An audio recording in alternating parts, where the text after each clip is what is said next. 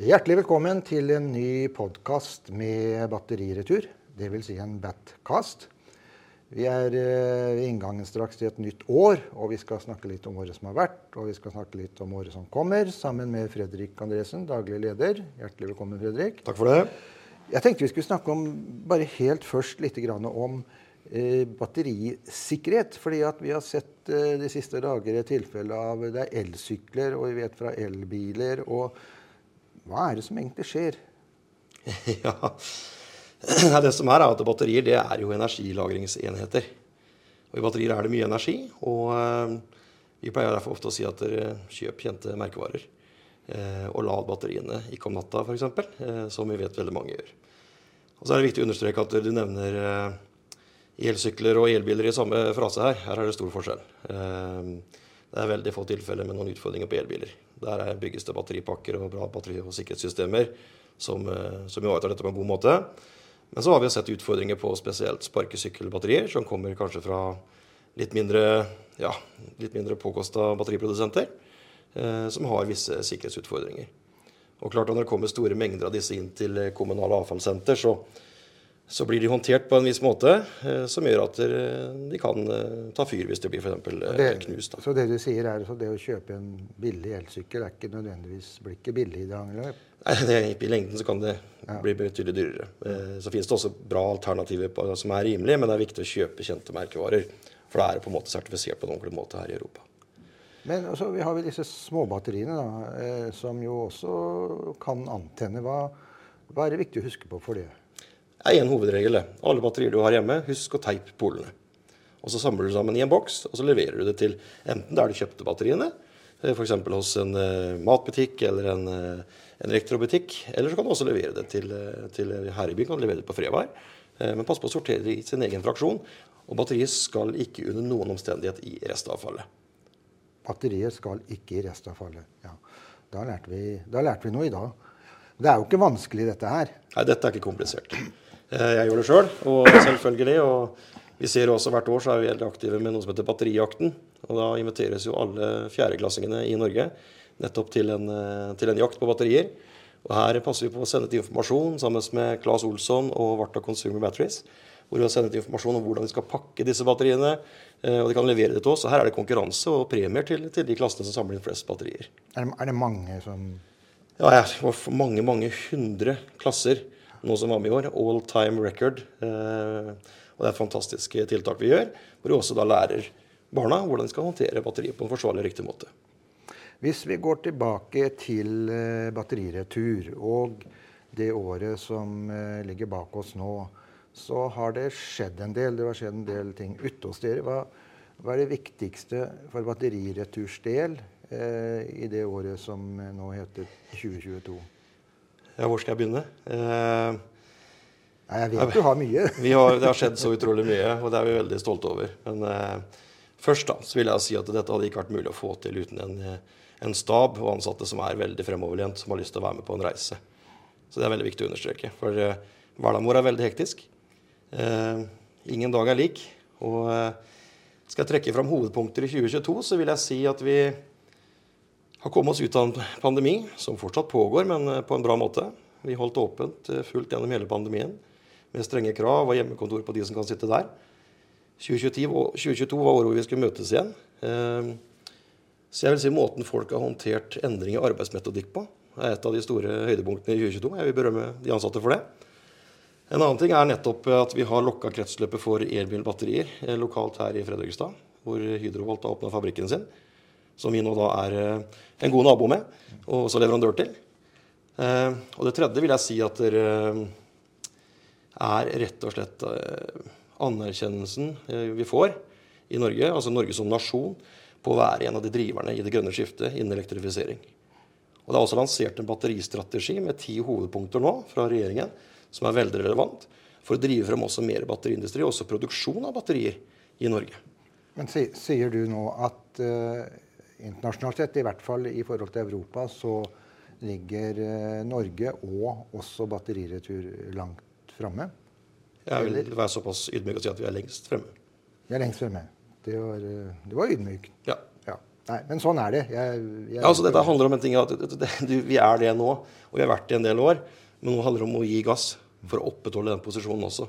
Og vi ønsker å være med å bidra til å eksportere det jeg kaller den norske batterihåndteringsmodellen ut globalt. Men Hydrovolt, som nå ligger på samme tomta og nabo som dere, eh, fortell litt mer, for det er jo virkelig eh, internasjonal eh, si, forsknings- og utviklingsarbeid. Ja.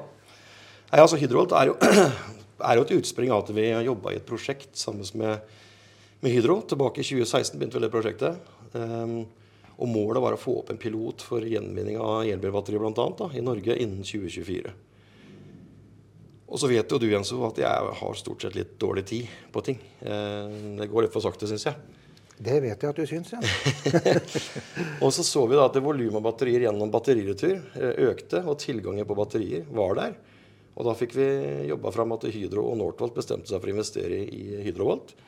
Eh, og der var det vi driverne i, i starten av dette her sånn, og bygde denne fabrikken sammen med Hydro og Northvolt og fikk fram Hydrovolt. og det er jo den eh, største resirkuleringsfabrikken for eh, elbilbatterier i Europa. Den er fire ganger så stor som uh, nummer to. Men det er fortsatt en pilot. Og det viser ambisjonen til disse eierne. Så her skal de selvfølgelig da ut i Europa, kanskje andre steder enn Europa også, i løpet av noen år. Og tar jeg ikke helt feil, så kan det vel komme flere virksomheter i samme fagområde? Ja, altså Vi jobber jo med mange fraksjoner av batterier, ikke bare elbilbatterier. Eh, vi kan si På blybatterier så er det et fantastisk system som eh, fyller 30 år neste år, bare så det er sagt. Eh, så da har vi 30-årsjubileum. Og der har vi lukka kretsløpet med partnere i Europa. Vi kan ikke fått et sånt anlegg i Norge, for da har vi ikke nok volum til. Eh, men på småbatterier, altså PC-batterier, mobil, sparkesykler, som vi var inne på litt tidligere her, der trengs det en løsning mer lokalt, også kanskje i Norge, i hvert fall Skandinavia. Og Der kan jeg røpe at vi jobber på spreng med å få på plass en, en god løsning for det. På Øra i Fredrikstad? Helst på Øra i Fredrikstad. Ja. Eh, det blir jo arbeidsplasser av dette her så nå. Grønne arbeidsplasser. Hva, hva snakker vi om i, i volum, hvis vi tar hele det som er hos dere og nærliggende? Nei, altså det, det, er litt vanskelig å si sånn, å sette tall på det. Eh, men det vi ser er at vi har jo et eh, team som jobber med, med demontering av elbilbatterier både her og også i Sandefjord. Så glemme bort at vi har en veldig bra avdeling i Sandefjord. Og det teamet totalt liksom, har gått fra tre-fire personer til rundt 20 nå. Og så har vi jo teamet som har vært involvert med å drive Hydrovolt-fabrikken. Der er det en ti-tolv stykker. Og så har Hydrovolt også tatt over Norsk Stål Tynnplaterfabrikken sammen med Borg havn, det gamle bygget der. Og der kom det også med en del ansatte inn til Hydrovolt. da. Så nå får en jobb fra fra å gå fra stålindustri over i, i, i grønne arbeidsplasser innenfor sirkulærøkonomi og batterigjenvinning. Vi er ved inngangen til et uh, nytt år. Og uh, vi vet jo at i 2022 så har uh, jeg holdt på å si kalle rammebetingelser Verden rundt oss har forandra seg veldig mye. Vi har et dramatisk bilde i Europa. Hvor mye har disse endra forutsetningene i det store bildet hatt betydning for dere? Som alle andre bedrifter så merker vi på kroppen eh, det som skjer rundt i Europa. Eh, energipriser rammer oss med tanke på kapasitet hos partner i utlandet for smelteverk f.eks. Eh, de halverer kapasiteten sin, for de har ikke råd til å drive verkene på full kapasitet. Det betyr at vi får litt lengre tider på, på å håndtere dette her. Råvaresvingninger er en utfordring. Eh, og ikke minst valuta har også vært en utfordring. Men så er vi såpass uh, ydmyke til dette her, fordi vi har noen eiere som står veldig sterkt bak oss i dette her. Og vi er veldig godt rusta økonomisk. Det har vi alltid vært. Og, og uh, vi har en, en balanse som, som, er med og regulerer uh, disse utfordringene ganske bra. Men vi har måttet se på optimalisering på drift og alt som alle andre. Noe annet ville vært uforsvarlig. Og vi ser også på nettopp det å få til mer lokale ting. Mer lokal gjenvinning, for da sparer vi altså en del kostnader på logistikk ut av Norge. I tillegg til at det blir grønne arbeidsplasser her, da. Du sa noe i stad om at uh, koronatida på en måte tvang fram nye løsninger, måtte tenke annerledes. Uh, kan du si at det kom noe positivt ut av det, rent industrielt og hos dere?